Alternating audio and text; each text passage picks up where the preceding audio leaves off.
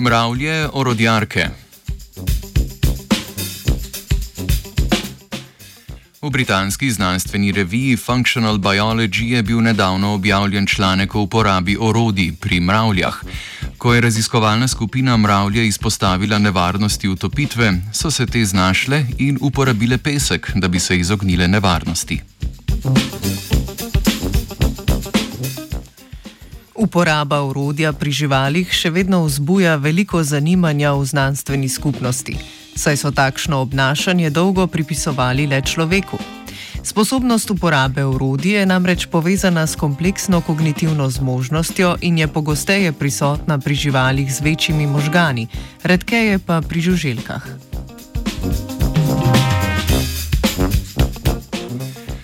Raziskavo so izvedli na Solenopsis richteri, eni izmed vrst ognjenih mravelj. Poskus je potekal tako, da so v posamezno petrijevko dodali pesek in bazenček sladkano vodo, na to pa so vsaki petrijevki dodali kolonijo mravelj. Voda z dodanim sladkorjem je bila namenjena kot vir hrane za mravlje, vanjo pa so primešali tudi detergent v različnih koncentracijah, saj je ta zmanjšal površinsko napetost vode, kar je povečalo verjetnost za mravljino utopitev.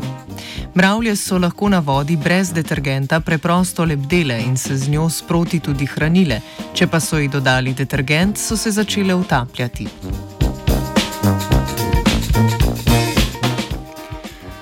Problem utopitve so mravlje rešile s pomočjo peščenih zrn, saj so jih uporabile za prenos vode iz bazenčka.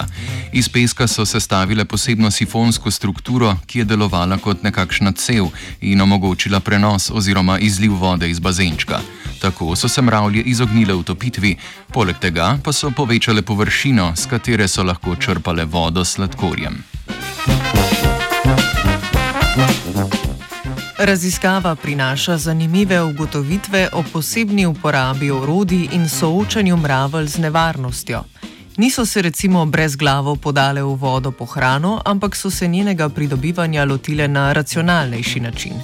Morda so se mravlje zaradi takšnih kognitivnih sposobnosti s pomankanjem hrane zmožne soočiti na različne načine.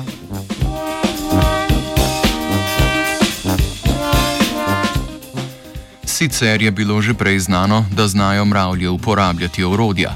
Ta študija pa je pokazala naprednost in kompleksnost, ki jo pri mravljah doslej še niso zasledili. Z mravljami je orodje uporabljala Dora. Three, two,